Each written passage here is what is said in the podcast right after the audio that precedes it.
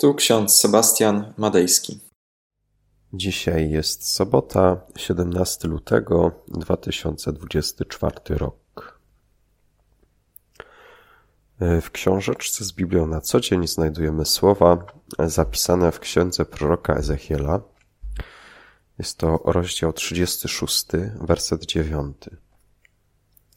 Góry izraelskie, oto idę do was i zwracam się do was. Będziecie uprawiane i obsiewane. Oraz list Jakuba, piąty rozdział, siódmy werset. Bądźcie cierpliwi, bracia, aż do przyjścia Pana. Oto rolnik cierpliwie oczekuje cennego owocu ziemi, aż spadnie wczesny i późniejszy deszcz. Drodzy, w Izraelu kwestia siania różnych upraw różni się w zależności od regionu, typu gleby. Jednak ogólnie rzecz ujmując, siewy w Izraelu często odbywają się e, z sezonem deszczowym, który jest charakterystyczny dla tego obszaru. Sianie zbóż, takich jak pszenica czy jęczmień, zazwyczaj odbywa się podczas tego sezonu deszczowego, który trwa od około października do kwietnia następnego roku. Jest to czas, gdy gleba jest e, dostatecznie nawilżona, aby umożliwiła kiełkowanie i wzrost roślin. Siewy zboża zwykle rozpoczynają się e, w okolicy października lub listopada. Jednak w niektórych regionach Izraela, zwłaszcza w obszarach o bardziej suchym klimacie, siewy mogą odbywać się też podczas sezonu e, późniejszego. W takich przypadkach uprawy mogą być zależne od sztucznego nawadniania. Dzięki zaawansowanej współczesnej technologii irygacyjnej widać, że w państwie Izrael nawet pustynia może zakwitnąć. Kiedy tam kiedyś byłem, bardzo mnie to dziwiło, w jaki sposób oni potrafią tak nawodnić ziemię, że ona wydaje owoce. Warto jednak zaznaczyć, że e, współcześnie w Izraelu prowadzone są intensywne badania, prace nad dostosowaniem upraw do tych zmiennych warunków klimatycznych. W starożytnym Izraelu nie było tego komfortu. Po prostu siano, tak jak e, to czyniono setki, tysiące lat wcześniej. Owszem, wojny, klęski żywiołowe pustoszyły kraj, ale rolnik tamtejszy najbardziej ufał Bogu, który daje wzrost i owoc we właściwym czasie. Fragmenty biblijne, które znajdujemy w księdze Ezechiela, zawierają w głębokie i symboliczne przesłanie dotyczące nie tyle rolnictwa, ale bardziej procesu oczekiwania i nadziei.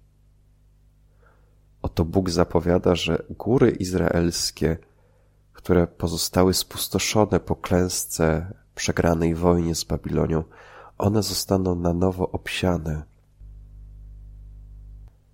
zazielenią się, jednym słowem. Jest to przesłanie o nadziei, oczekiwaniu. Oba te teksty skupiają się na związku człowieka z naturą oraz tak naprawdę mówią o cierpliwości w oczekiwaniu na dalsze prace i owoce tej pracy.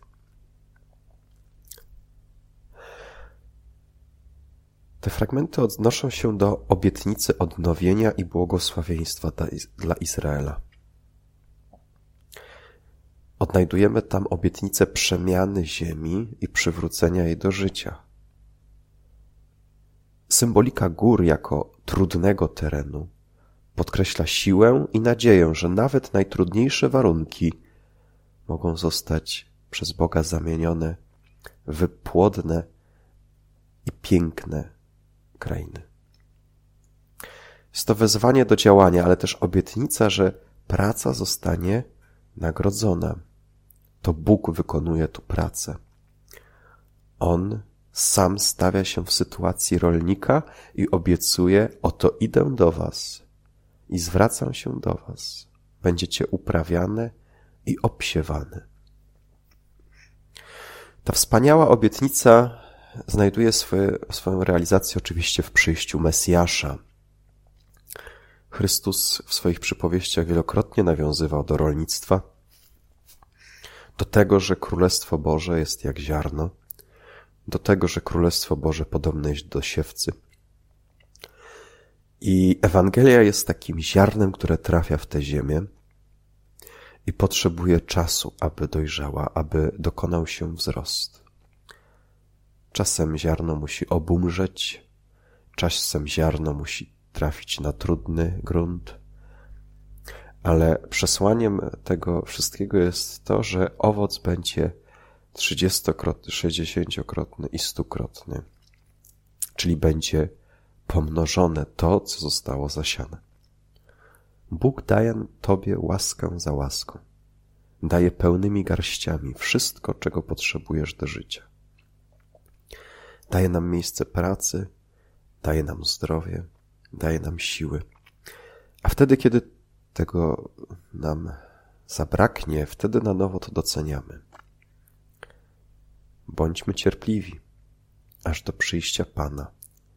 Oto rolnik cierpliwie oczekuje cennego owocu ziemi, aż spadnie wczesny i późniejszy deszcz, mówi święty Jakub w liście.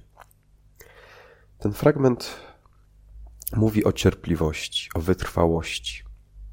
Wiara bez cierpliwości jest martwa. Wiara bez wytrwałości i ufności w obietnice Boże, nawet w obliczu trudności i niepewności, przynosi owoce. Rolnik, który cierpliwie czeka na deszcz, jest obrazem wiernego oczekiwania na spełnienie Bożych obietnic. Te fragmenty przypominają nam o znaczeniu cierpliwości i ufności w Boże obietnice. Te metafory dotyczące natury, ziemi, rolnictwa, ziemi, która zostanie ponownie zasiedlona, miasta, które zostaną odbudowane. Musimy pamiętać, że to właśnie przepowiednie takie jak ta w ciągu wielu, wielu lat dawały wielu pokoleniom Żydów i chrześcijan nadzieję na nowy początek. Choć niektóre z biblijnych proroctw dotyczące, no właśnie, wydawania owoców wydają się nam nieprawdopodobne, ale wierzymy, że one się spełnią we właściwym czasie. Potrzeba tylko wiary, cierpliwości, wytrwałości. Amen. Pomódlmy się. Wszechmogący, miłosierny Panie Boże, dziękujemy za kolejny dzień życia. Dziękujemy, że możemy Ciebie wielbić za dar życia Śpiewamy na Twoją chwałę, dziękując za Twą obecność i bliskość.